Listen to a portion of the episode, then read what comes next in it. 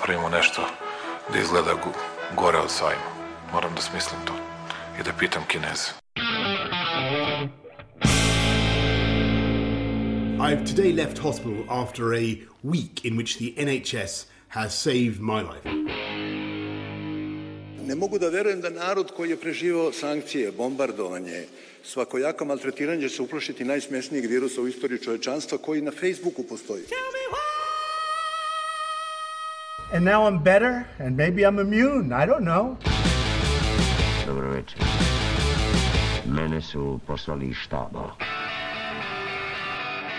Ja ću vam pomoći. Aleksandar Kocić Jelena Viser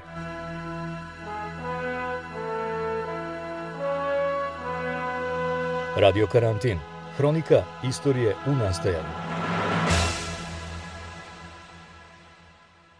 Novak Đoković, najveći srpski sin, naš Isus, borac za vaskoliko srpstvo protiv nepravde novog svetskog poretka, ljudina koja nas u najboljem svetlu predstavlja u svetu, veliki čovek pre svega, Tesla i on.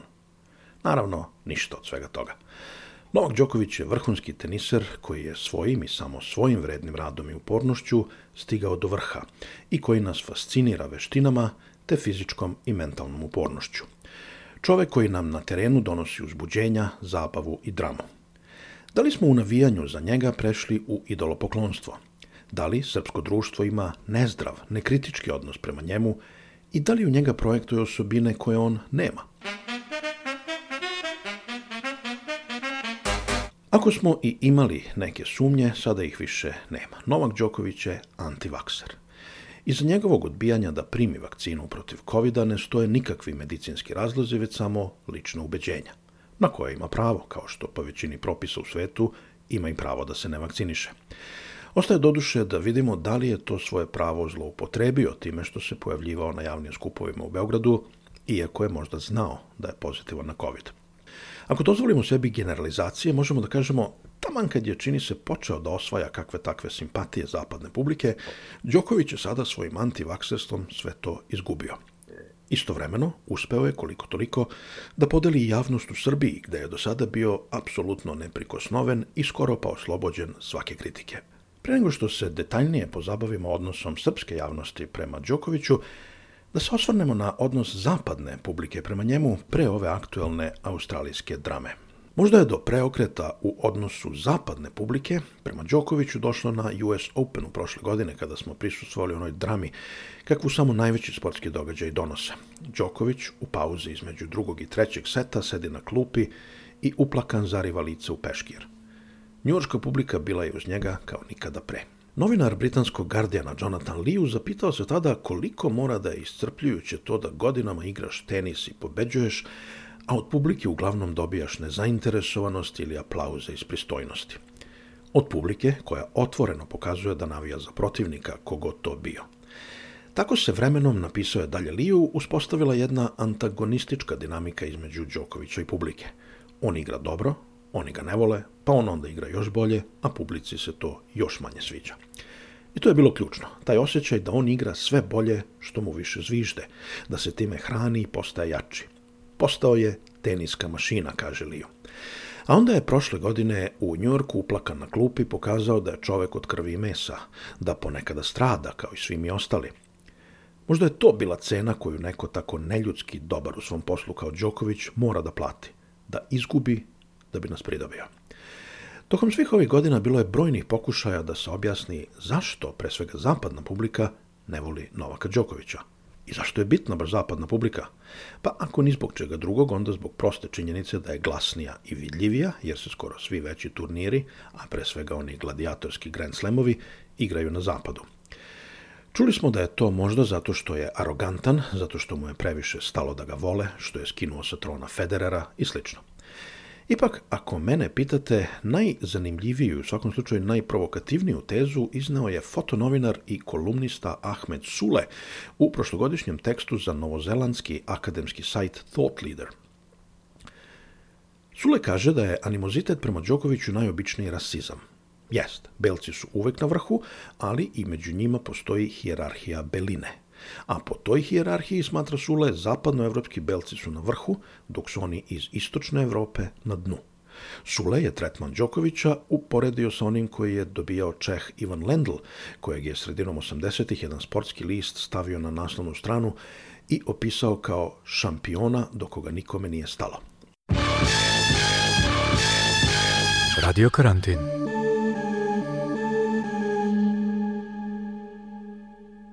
Ovih dana vidimo da je skoro pa božanska reputacija Novaka Đokovića počela da se narušava i u samoj Srbiji. Jest, do sada smo povremeno mogli tu i tamo da čujemo negativne komentare na račun toga gde Đoković plaća porez, koga politički podržava ili ne podržava, zašto nije glasniji u političkom smislu i da li njegova porodica ima povlašćeni tretman oko svojih poslovnih interesa u Srbiji. A sada smo saznali da se čovek sa pozitivnim testom na COVID šetkao i slika okolo, delio mladim teniserima pehare. I kao da se odjednom u Srbiji jače čuju i glasovi kritike na Đokoviću račun – Da li je u Srbiji zaista moguća kritička debata oko uspešnog tenisera? Da li se bezobrazno kitimo uspesima sportista i da li tim ljudima pridajemo previše značaja? Gosti radio karantina su antropolog sporta Ivan Đorđević i kolumnista Dragan Bursać. Gospodin Bursać kaže da je Novak Đoković piće kojim se opija nacija ne bili zaboravila na svoju mizeriju. Zašto tako mislim? Pa najkraće, da, najkraće. Nažalost, to je tako. Ako nemate uh, nešto što vam je lični cilj, što vam je uh, cilj postignuća na nivou sebe, u odnosu sebe prema društvu, preciznije ako vam je društvo potpuno obezvrijeđeno, onda to nije karakteristika samo srpskog, odnosno srbijanskog društva, nego svih društava, onda se logično okrećete nečemu što se zove herojika i epopejika. U herojici i epopejici birate heroje, birate svoje Spartake, jeli, kako otac e, signifikantno Đoković je nazvao svom sina Spartake, birate neke, dakle, e, e, gotovo imaginarne postimularne ličnosti ili preciznije običnim ljudima dajete te supersonične osobine i vežete se za njih. Dakle, jedan vid svoje realnosti, inače postoje i u filozofiji ti postimularni mehanizmi u psihologiji, jeli, te svoje dijelove realnosti prebacujete na, na te osobe i negdje emotivno investirate u te osobe, a kasnije počnete intelektualno, bogme ideološki da investirate u te osobe, postajući dio nečega što ni sami ne znate da ste, a upravo to je to, gubite privatnost, gubite svoj život i gubite ono što je smisla vašeg života iz jednog jedinog razloga, nemate privatnost, nemate smisla života u zemlji u kojoj živite, nažalost. A da li je to znači uloga uspešnih na neki način da nam pomognu da zaboravimo na sobstvene neuspehe? Pa, negdje u društvu spektakla, kako Bodrijar kaže, ovaj, jeste, jeste, nije to uloga, to je prosto funkcija. Dakle, tu nema aksioloških osobina, ne možemo reći da je to pozitivno ili negativno. To je tako, to je tako i sa LeBron Jamesom u Sjedinim američkim državama, to je tako i sa svim pop kulturnim superstarovima. Dakle, mislim prije svega na muziku, onu pliču i na sport, jeli, kao pop kulturni fenomen i ljudi se vežu bez razlike. E sad, radi se o tome šta ćete vi raditi sa tim svojim kapitalom ako ste, jeli, ta ličnost koja je nositelj toga. Dakle, ako ste LeBron James, odnosno ako ste uh, uh, uh, gospodin Đoković u ovom slučaju. Znači, stvari o tome da li ste vi upotrijebiti ili zaupotrijebiti taj kapital koji nosite sa sobom.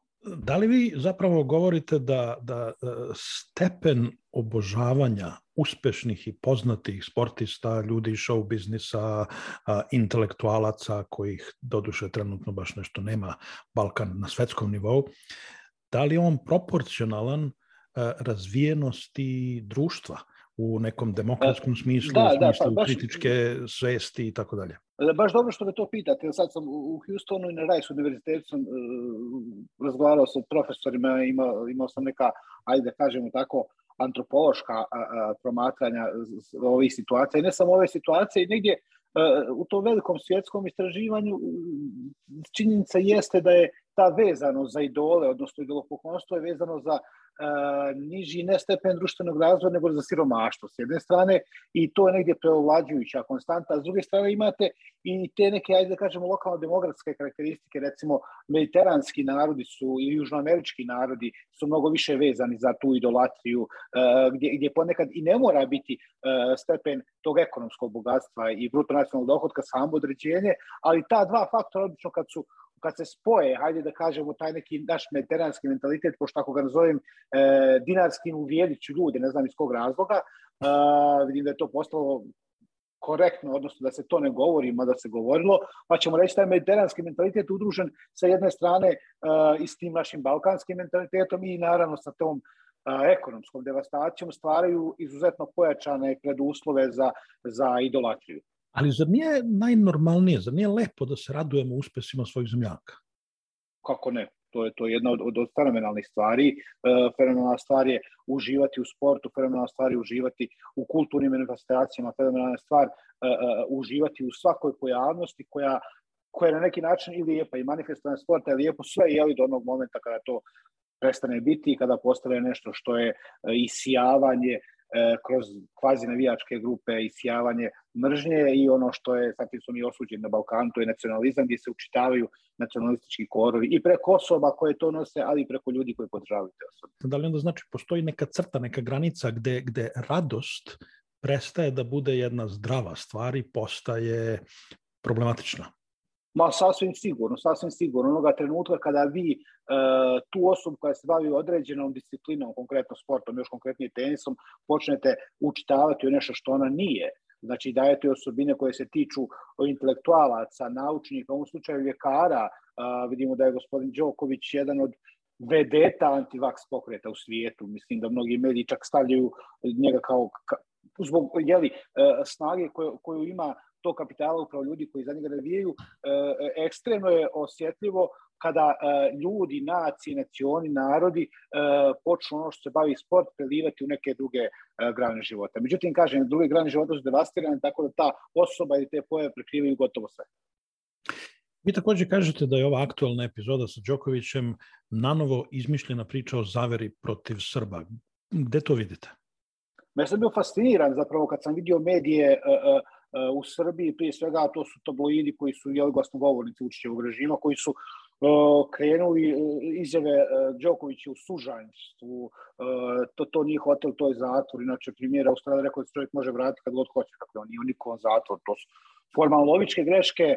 Do tog narativa da je Australija zemlja sakupljača robova, da treba krenuti na Australiju, da je Đoković, novi Isus Hrist i one sve stvari koje je njegov otac uzvikivao, koje su mediji još boldovali prenijeli, vi u jednom trenutku imate atmosferu da je 91. ili 92. godina, što je fascinantno, ali kako su mreže ono sve prisutne, to se desilo doslovno za par sati. Vi ste imali situaciju od situacije da će Đoković možda učestvovati na turniru, a možda ne, za par sati je bila situacija gdje mu napadate Australiju. Znači, to je fascinantno i zastrašujuće isto vrijeme i to je negdje ono kad pročitate, e, obično ljudi kažu, pa znate šta Dragane, e, ne treba njima pridavati značaj tim tabloidima. Ne, suprotno, oni jesu glasnogovornici politike njih, ako narod išta čita, njih čita.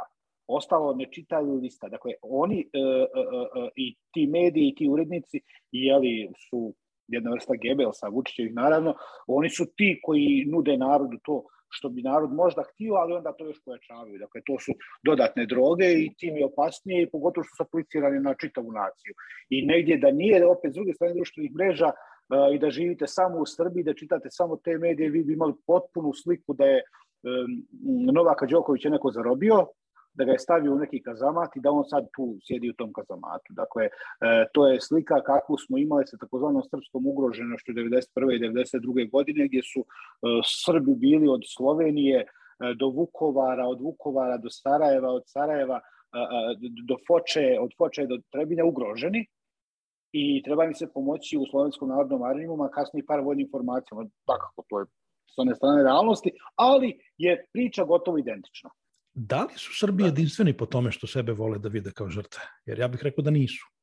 Ma nisu, a naravno da nisu. E, e, ova stvar je... E, I narod u okruženju to vide. I vide sebe, doživljavaju sebe kao žrtve. I, I Hrvati, i Bošnjaci, i Albanci, balkanski narodi, svi. Međutim, ovde, ovde je problematično što je došlo do, ja bih rekao, udruženog zločinačkog poduhvata medija i vlasti u Srbiji koji zajedno apliciraju na mozgove ljudi, dakle koji, koji prosto bolduju nešto što ne stoji i drže ljude iz jednog stanja katatonije, ubacuju te ljude u stanje potpune, hajde da kažemo, nacionalne histerije i to je negdje problem. Problematično je što je to tako, što je tako homogeno i tako ogromno i tako razorno i tako strašno na svakom nivou. Imate situaciju u jednom momentu, prošto sam mislim na oficijalnim medijima srbijanskim, gdje je e, ministarka Tepavčić, ako se ne varam, koja je u jednoj od komisija koja se bavi direktno suzbijanjem COVID-a, bila je na protestima antivaksera. Sad, mislim, tu i, i nadrealisti i, i Monty Pythonovci staju. Prosto to je sa one strane. To, to, mislim, to se ne može ni objasniti. Mislim, ne postoje čak ni paralele, ne postoje čak ni, ni, ni neke komparativne e, e, e, zamjenice kojim bi se to moglo objasniti. Samo zastanete, pročitate to i ostanete zbunjeni. E, to je zastrašujuće. Zastrašujuće je ta, ta, taj kompletan paket koji se uručuje percipijentu, a njih je 8 ili 10 miliona i onako direktno u facu ide. Ali to su stvari na koje sami uspešni ljudi kao Đoković praktično nemaju uticaja ili mislite da imaju? Da li sam Đoković podgreva taj mit o Srbima kao ugroženima, o Srbima koji niko ne voli? Ako ništa, da. Možda mogu odgovoriti kontra pitanjem šta je uradio da ga ne podgreva. Šta je uradio da prekine taj mit? Šta je uradio da kaže e, Aleksandru Vučiću ili ministru Vulinu ne može ovako umjesto što se s njima fotografiše? Šta je uradio e, da kaže e, da treba poštovati medicinu zato što sam ja teniser, treba poštovati doktor, jer oni doktor. Šta je uradio po tom? Znači, umjesto toga fotografiše se sa Vulinom, grli stabla po srednjoj Bosni, druži se sa kvazi naučnicima, new agerima i propagira antivakserstvo, kada se zaista treba založiti za nešto što treba, on kaže da je političan, a u sledećoj situaciji podržava neočetnike u Crnoj Gori. Dakle, e, e, u najmanju ruku licemjeran stav njega ili njegovog tima, ja zaista sad ne mogu govoriti da li su to odluke Novaka Đokovića ili njegovog PR tima, da li on ima PR tim ili postoje neki drugi e, ljudi koji mu to sugerišu, to ne znam, ali da kažem Novak Đoković, mislim na taj paket koji nama svima isporučen, pa i vama i, i meni. Znači, vi mislite da je, da, da, da je Đokovićeva apolitičnost e, lažna? Ja uopšte ne mislim da je čovjek političan onog trenutka kada je napisao, uh, mislim da je na kameri čak napisao, pobjedio je neki meč, napisao je osvježilo, što je uh, osvježilo, inače, dakle, oficijalni poklič uh, crkve Srbije ili tijaša koji su izveli uh, kontrarevoluciju u Crnoj Gori, dakle, o, o, i kada su doveli na vlast neočetnike, neočetnici na vlast u Crnoj Gori već dvije godine, dakle, to njima oficijalni poklič i čovjek koji je bio na billboardu, koji je podržao a, a, a, ljude koji su napravili tu kontrarevoluciju klerikalnu, je bio Novak Đoković, tako da kakva apolitičnost. Upravo, e, i čak i to nije problem, dakle, izraziti svoj politički stav, dakle, danas svaka zvijezda, šta god to značilo, ima svoj statement o nečemu. I to je u redu. Ali onda, onda, morate ima, onda morate biti do kraja tu. Ne možete u jednom trenutku reći kao mi svijeta, ja sam apolitičan, zaražen se za mir u svijetu i ništa više u, u drugom trenutku podržavati kontrarevoluciju, u trećem trenutku reći mene ne interesuje uh, uh, medicina, u četvrtom reći ja sam uh, protiv vakcine. Mislim, šta? Ako tako stoje stvari, zašto onda ova uh, Srbija, ovaj, ovaj deo javnosti koji uh, ne podržava Vučića, zašto se konstantno očekuje i, i, i na neki način zahteva od Đokovića da se izjasni, da podrži proteste, da podrži uh, opoziciju? Pa opet je tu neka potreba za, za idolopoklonstvom. Opet se tu traži i opozicija razmišlja po istim po istoj kanonici, po istim šemama, kad govorimo o toj oficijalnoj opoziciji u Srbiji. Dakle, njima treba neko ko će izaći na Megdan, makar virtualno Vučiću. Taj neko mora imati težinu i snagu u narodu. To opozicija je vrlo dobro svjesna da oni između sada nemaju gotovo pa nikakvu snagu. Dakle, oni se ne mogu dogovoriti da li je danas noć ili dan. I njima je prijeko potrebno, a i naravno animiraju ljude, prijeko im potreban neki uh, Novak Đoković, preciznije neka osoba tog kalibra koja će reći stop Vučiću dosta je. Međutim, očigledno nisu našli saveznika u Đokoviću, pošto mislim da je tu Vučićeva služba, PR služba mnogo brža i mnogo je ekspeditivnija i mnogo bolje rade svoj posao za razliku od opozicije koja očigledno osim nekih ekoloških četnika u zadnje vrijeme sam vidio nisu nešto proizveli, nisu nešto proslavili i e, negdje e, uporno pokušavaju, dakle, e, ako Vučić ide desno, oni pokušavaju biti desni od Vučića. Znači, prosto na njegovom terenu su tu gube, ono, tu, to je ono, ne znam, to je kao kad ja izazvao od svih stvari na svijetu, izazvao Michael Jordana da igramo košar. Izgubit ću, zašto? Mislim, prosto neke formalno logičke stvari njima nisu jasne i onda se traži, jeli, novi veći od Vučića, a to je, jel, u ovom trenutku, mislim, jedino Novak Đoković, međutim Novak Đoković već je prikazao se u kom timu igra, pogotovo onim fotografisanjem sa, sa ministrom Vulinom, mislim da je, da je svima jasno u kom timu je a, a, Novak Đoković. Tako da, tako da a, zapravo taj odnos i to pitanje više govori o impotenciji opozicije nego i o Novaku Đokoviću i o Vučićevom režimu. I da vas pitam na kraju, da li se slažete sa mnom, e, meni se čini da, mislim, Đoković je nesumnjivo vrhunski sportista, ali je čovek, kao i svi mi, čovek sa manama, čovek koji povlači sporne poteze. I nekako mi se Da, čini da da, u Srbiji, u Srbiji nema kritičke debate o Đokoviću. Probajte da pokrenete upravo debatu. to, da, upravo to, ako imate osobu koju toliko glorifikujete, glorifikujete da je dignete na nivo maltene Boga, onda nema ni debate, onda je to jeres. Dakle, i, i zanimljivo, svi ljudi, ja sam pisao kolumnu, nisam se, ali zanimljivo, svi ljudi koji su pisali tekstove kolumne o ovom događaju, morali su negdje u Antrofileu se ograditi i reći on je dobar sportista, on je dobar možda i čo... Ne znam zašto ta potreba, naravno, pa nije on monstrum. On je vrhunski sportista, tačka. Stavimo tačku i idemo dalje. Ja sad pričam o ovoj situaciji, o ovoj konkretnoj situaciji, o situaciji koja je nas našla na planeti Zemlji u zadnje dvije godine gdje je šest miliona ljudi umrlo. Dakle, stavljamo u neke kontekste, nema potrebe da se ograđujemo. A ograđujemo se zašto? Pa zato što tog čovjeka gotovo ritualno doživljavamo kao totemizirano super biće i znate kad se udari na totem, e, kad se kaže, ne kad se udari, kad se kaže bilo što protiv tema, to je jeres i ti ljudi budu izraptani iz društva. I negdje e, e, društvo to, to tako i doživljava što je stravično. Mislim, šta onog trenutka kad Đoković kaže, ako kaže sutra na pres konferenciji, ja sam završio s tenisom. Šta, treba, biće, biće raspisan konkurs za novog Đokovića, ili će propast nacija od depresije bez identiteta. Mislim, to je van pameti, to je prosto infantilno. Infantilni narod to rade, to je prosto, to je prosto stvar ko- koja se treba prevazići, gdje trebaju ljudi odrasti, gdje trebaju krenuti svojim, svojim porodicama, zdravom životu. Mislim, zvučim suvo, zvučim kao neki New Ager, ali to je tako, to, to je jednostavna stvar. I to stvari koje trebamo doživjeti, znati vezati se za to, a ne za neke profane, isprazne stvari i kao infantilno doživljamo Novaka Đokovića kao heroja. Šta posle Đokovića? Šta dalje?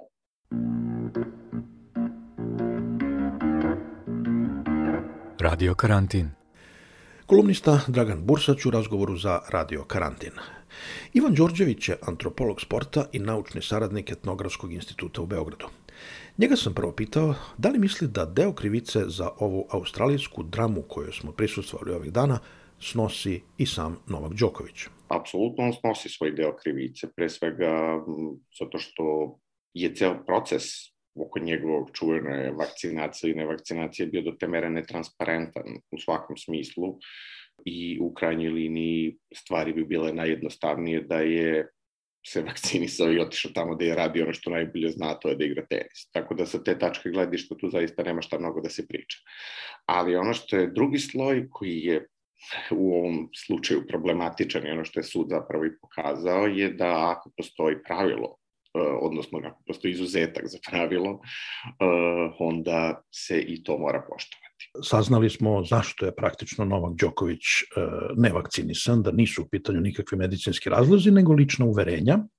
I imamo jedan, po mom mišljenju, vrlo problematičan uh, ugao, a to je da je čovek koji je pozitivan uh, na koronu šetao se okolo po gradu i uh, susretao sa drugim ljudima bez maske, iako bi po propisima srpskim morao da bude u izolaciji. To je, kako vi rekao, to je zdrav razum nalaže da ako je čovjek bolestan ne ide napolje i bez korone. Isto tako videli smo da dobar deo javnosti krivicu vidi isključivo u drugima.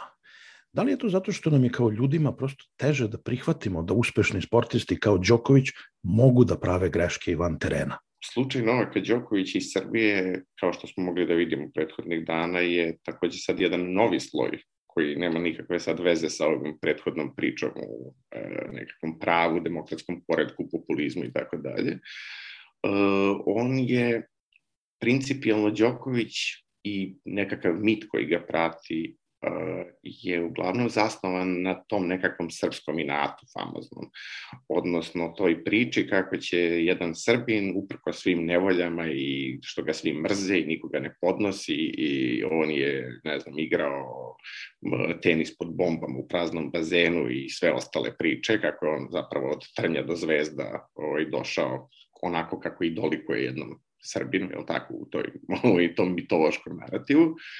A, ovo se samo nastavlja. Dakle, ceo narativ koji je uspostavljen u srpskoj javnosti je kako je ovo antisrpski i kako njega maltretiraju samo zato što je Srbin. I tu ponovo dolazimo opet do više slojnosti tog problema. Jer da, postoji svako od nas koji ikada sa pasošem jeli, zemlje sa periferije išao u zemlje ovi, centra, zna na koji način se ophode ovi, takozvani border force različitih zemalja, centara prema nosiocima tih takozvanih pogrešnijih pasoša. Uh, I na tom nivou neka vrsta empatije kod većine ljudi koji su prošli kroz nekakav sličan tretman postoji. Ali ovde se ne radi o tome. U ovom slučaju sa Đokovićem i reakcijom srpskog javnog mjenja to je taj klasičan srpski mitomanski nacionalistički narativ o uh, Srbinu koji trpi nepravdu, ali će na kraju izaći kao pobednik. I uh, što se Srbije tiče i srpske javnosti, i ovaj uh, čitava situacija sada sa pobedom na sudu, uslovno rečeno, i sada hapšenjem i deportacijom, dok mi ovo pričamo, verovatno se dešava, uh, će biti protumačen uh, isključivo u vidu nekakvog triumfa ljudi uopšte ne razmišljaju šta je dovelo do toga, šta je Đoković radio da bi se takva situacija uopšte mogla dogoditi, niti ih to interesuje. Znači, on je za njih sada apsolutni heroj i ono što je za moj račun takođe vrlo problematično je što ovo daje nekakvom grupi ljudi koja je prilično snažna u javnosti, a koja uh, da stavlja pod sumnju pitanje vakcinacije i uopšte pitanje postojanja virusa daje vet, ogroman vetar u leđa. U, mislim, konkretno u Srbiji je to i ovako dosta tragično što se tiče situacije a ovo će samo još dodatno pogoršati i onako ne baš ovaj, sjajan odnos e, prema pandemiji. Meni se čini, ispravite me ako, ako grešim ili ako se ne slažete, da u Srbiji nema dovoljno kritičkog stava prema ljudima kao što je Đoković. Da smo previše blagonakloni prema njima. Ja ne, tra, ne kažem da ih treba kritikovati samo da bismo ih kritikovali, ali da li prelazimo granicu kada navijanje prelazi u idolatriju? Apsolutno to je nešto što je, mislim, na primjeru Đokovića vrlo vidljivo, zato što je kritikovati Đokovića ovde nivo kritike Boga. Mislim da je mnogo lakše kritikovati Vučića nego Zašto je to Đokovića. Razlog je, mislim, za moj račun, ono što je moje mišljenje prilično jednostavno, zato što je najbolji i zato što stvarno jeste najbolji, mislim, u tome što radi. I e, kada pogledamo, mislim, čovekov uspeh je zaista neverovatan mislim, biti toliko dugo dobar u jednom vrlo kompleksnom i teškom mislim, sportu i toliko konstantan je zaista stvar za svako poštovanje. E, ali e, u Srbiji se e, njegov individualni uspeh i njegova lična individualna izvrsnost nekako prebacuje na teren toga uh, kako on Srbin i zbog toga je takav. I nekako se ljudi identifikuju sa njegovim uspesima i inače u jednoj tmurnoj atmosferi gde mnogo uspeha na bilo kom planu nema, ma šta god Vučić pričao kako nikad nije bilo bolje i zlatno doba, ali prosto u Srbiji već 30 godina redko kada, osim baš tog nesretnog sporta, ima nešto da se pozitivno dešava i da možemo da kažemo da smo u nečemu dobri ili ne da i Bože najbolji. Tako da u, toj, u tom kontekstu uh, ljudi se identifikuju sa njime zato što jeste najbolji, a sa druge strane onda u njega i uz njegovu pomoć učitavaju određene vrednosti koje onda pridaju čitavom kolektivu. A on tome na neki način, neću da kažem svesno, pomaže, povremeno postičući te priče o nekakvom uh, srpskom identitetu i važnosti tih aspekata. Mislim, jako je tu kompleksno govoriti zašto on zapravo sa Srbijom nema nikakve veze on je odavde otišao pre jako, jako mnogo godina i on je, mislim, formiran zapravo u inostranstvu. Da je on odrastao i išao u srednju školu u Beogradu, verovatno bi mu se karijera završila i pre 18. godine. mislim, pretpostavljam. Tako da, uh, razlog, odnosno način na koji ljudi njega ovde doživljavaju jeste potpuno nekritički. E, I doživljavaju ga za razliku od recimo Jokića koji je postigao takođe na individualnom nivou ne, neverovatan rezultat, jer biti MVP NBA lige je nešto što je, mislim, zaista zapanjujuće za nekoga ko dolazi iz Srbije. E, Đoković je uvek to insistirao kako će on uvek da igra za Srbiju, kako njemu nikad to nije teško, kako mu je uvek najbolji. E, I sad nek je to privatno što se njega tiče i tako. Neko on zaista voli da nekada igra u timu i da mu više prija, da se nekada malo opusti i da ne bude sve samo na njemu, nego da bude u timu i da igra na olimpijadi i tako dalje.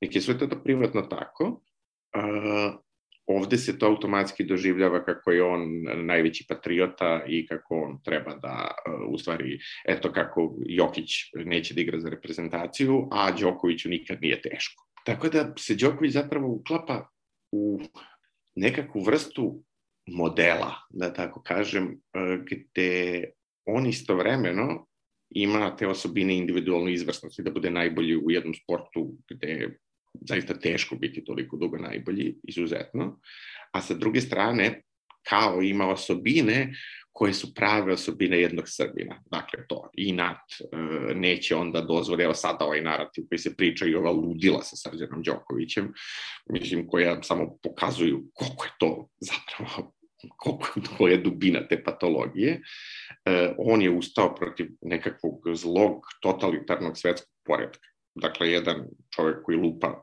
lopticu nekitom, koji e, sada staje u, ne znam, e, odbranu slobodoljubivog sveta. To su stvari koje su, mislim, više i od mitomanije. To je neka vrsta megalomanije koja je potpuno ne znam kako bih je opisao. E. Ali, ali izvinite što prekidam, znači može da se kaže da mi u sportiste, kad kažem mi, u većini slučajeva, projektujemo neke mitove i predubeđenja o sebi samima ili o naciji koje pripadamo.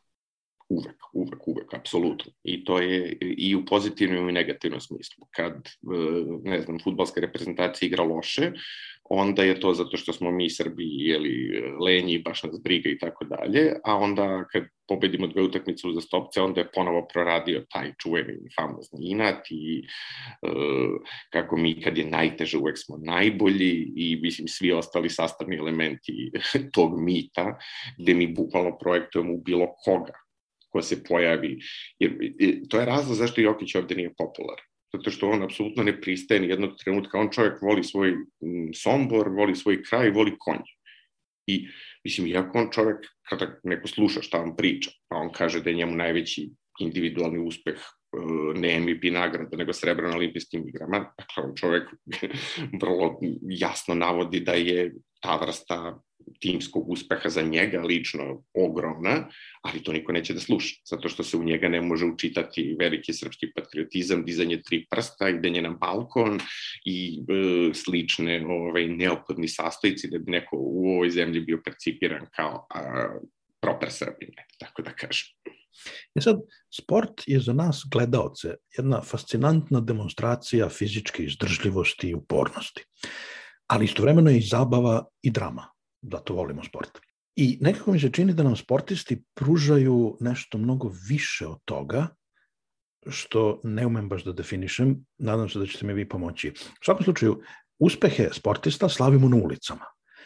Kad neki reditelj ili glumac dobiju zlatnu palmu ili kamoli ako neki gimnazijalci osvoje zlatnu medalju na takmičenju iz matematike, to ne radimo. Zbog čega? Ne radimo ni za što drugo kao što na ulicu ne izlazimo kada, ne znam, se gasi dom zdravlja ili ne izlazimo na ulicu zbog nekih stvari koje nas se mnogo više tiču nego ovaj, jeli, individualni uspeh pojedinca koji jeli, zarađuje za sebe. Mislim što je potpuno normalno, to nije nikakva kritika sportista, čovek radi svoj posao i plaćene za njega. Mislim, neće meni da da sigurno to što je zaradio. Uh, pa, uh, sport je prevaskodno, kako da kažem, prijemčiv svima. I to je ono što je kod sporta, e, naročito kod sportova poput futbala ili košarke, e, takođe bitan aspekt. E, on prevazilazi klase. Kada pričamo, ne znam, o nekom pozorišnom reditelju ili glumcu koji je dobio veliku nagradu, to je ipak stvar koja se manje ili više tiče e, jednog sloja stanovništva kada je u pitanju uspeh nekad futbalera ili e, tenisera ili tako nekoga, e, onda je to uspeh i e, pekara iz Požarevca, i lekara iz Niša, i inženjera iz Užica, i E, i radnika u fabrici iz e, Kosjerića, naprosto u tome možemo da participiramo uslovno rečeno svi, odnosno svi građani države mogu da, da, da budu učesnici u toj, toj vrsti radosti. I drugo, mislim, jeste sport i to je jako teško objašnjivo. Mislim, ja bih se složio s vama, tu ste vi na tom dobrom tragu, sve imamo te elemente, imamo i dramu, imamo i uh, vrhunski performans, dakle, na tom nivou naravno da je nekome ko to posmatra to vrlo prijemčivo. I zabavu. E sad, i zabavu, neverovatno. E sad opet teniseri su moderni gladijatori, ne? Pa da, mislim sve više i više postoje. ali ima tu još jedno, i to volim da citiram, mislim, zato što je meni to bilo onako vrhunski ovaj, objašnjenje ovaj, uloge sporta u jednom društvu, odnosno u nacionalnoj državi, pošto mi svi živimo u nacionalnim državama ovako ili onako. To je Hobsbawmov uh, uh, citat, gde on rekao kako ovaj, 11 ljudi sa imenima i prezimenima na najbolji način predstavljaju uh, zajednicu koja čini milioni. Jer su opipljivi, možemo da se identifikujemo s njima, jer na koji način nek 10 miliona ljudi može da poznaje jedno drugo. A ovako ima 11 storicu koji imaju ime i prezime ili jednog u slučaju Đokovića koji ima ime i prezime i on pojavom na terenu predstavlja sve ono što smo mi. E, Dragan Bursać, kolumnista, u ovoj istoj emisiji kaže da je Đoković piće kojim se opija nacija ne bili zaboravila na svoju mizeriju. Da li se vi slažete? E, pa, kako bih rekao, slažem se, naravno nije to baš, mislim, naravno stvar je jako mnogo kompleksnija, ali da, mislim, društva koja na toj, toj meri insistiraju e, na sportu kao nekakvoj eskapističkoj praksi i u toj meri se identifikuju sa nekakvim uspešnim primercima ovaj, uh, u sportu najčešće nisu baš društva koje uživaju nekako veliko materijalno bogatstvo. Dobar je primer baš ovde, euforija oko zlatne medalje u košarci 95. godine. Dakle, 95. godina kada je sve bilo u potpunom raspadu. Rat praktično još uvek, mislim, jedva da je bio gotov, e, sirotinja, sankcije, havarija, katastrofa, znamo svi šta pričamo o 90-ima, to je bio pogled nekakav ka nečemu što je bar minimalno pozitivno da čovek kaže. Mislim, ovo je dobar primer, baš ovo što se sada dešava. Novaku Đokoviću pričaju svi. Dakle, on je glavna tema svih medija, on je glavna tema na društvenim mrežama, ne postoji ništa van toga. Niko ne priča o tome da je inflacija već otišla na 15-20%, da će struja da poskupi, da je pitanje, ono, mislim, ne znam, u krajnjoj imamo taj ustavni referendum, ajde, to ne može baš da mnogo mobiliše ljude, ali generalno, mislim, da pandemiju ne pominje. Ja bih rekao da određena vrsta siromaštva i periferijskog položaja dosta utiče na to da ćemo se mnogo, mnogo lakše i mnogo pre i radi identifikovati baš u tom smislu konzumacije e, sa nekak, nekim čovekom poput Đokovića jer on je ono što bi mi želeli da budemo. Dakle, uspešan, mlad, kosmopolita, govori puno jezika, e, predstavlja, to je čuven narativ Đoković, on nas dobro predstavlja u svetu. I to će vam reći bilo ko. Taj narativ o predstavljanju Srbije u svetu na dobar način je nešto što imam utisak da jeste specifiku ovdašnje. Da nekog švajcarca prilično baš briga kako ga Federer predstavlja u svetu.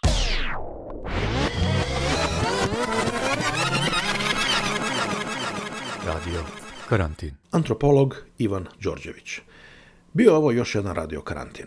Novaku Đokoviću želimo da uzme i ovaj Grand Slam i pozivamo ga da nam posle objasni šta se sve ovde desilo, kada je saznao da je pozitivan, da li je bio u izolaciji u Beogradu i zašto nije po gradu nosio masku. I nadimo se da ćemo iz ove epizode svi naučiti nešto. Pre svega, da nije dobro za nas same kao pojedince i društvo kada navijanje pređe u idolatriju – Podržavajmo sportiste na terenu, ali manimo se histerije koja brzo i lako prerasta u zabrinjavajuću glupost. Nemojmo se primati na fore o brigadnom generalu koji podnosi ostavku, nemojmo se primati na prave ili izmišljene peticije o proterivanju kengura iz zološkog vrta, u ostalom ako negde treba da idu, to je natrag u svoje prirodno okruženje, i nemojmo tražiti zavere svuda oko nas samo zato što je jedna vlast u jednoj dalekoj zemlji ispala glupa. Volimo vas. Aleksandar Kocić Jelena Viser.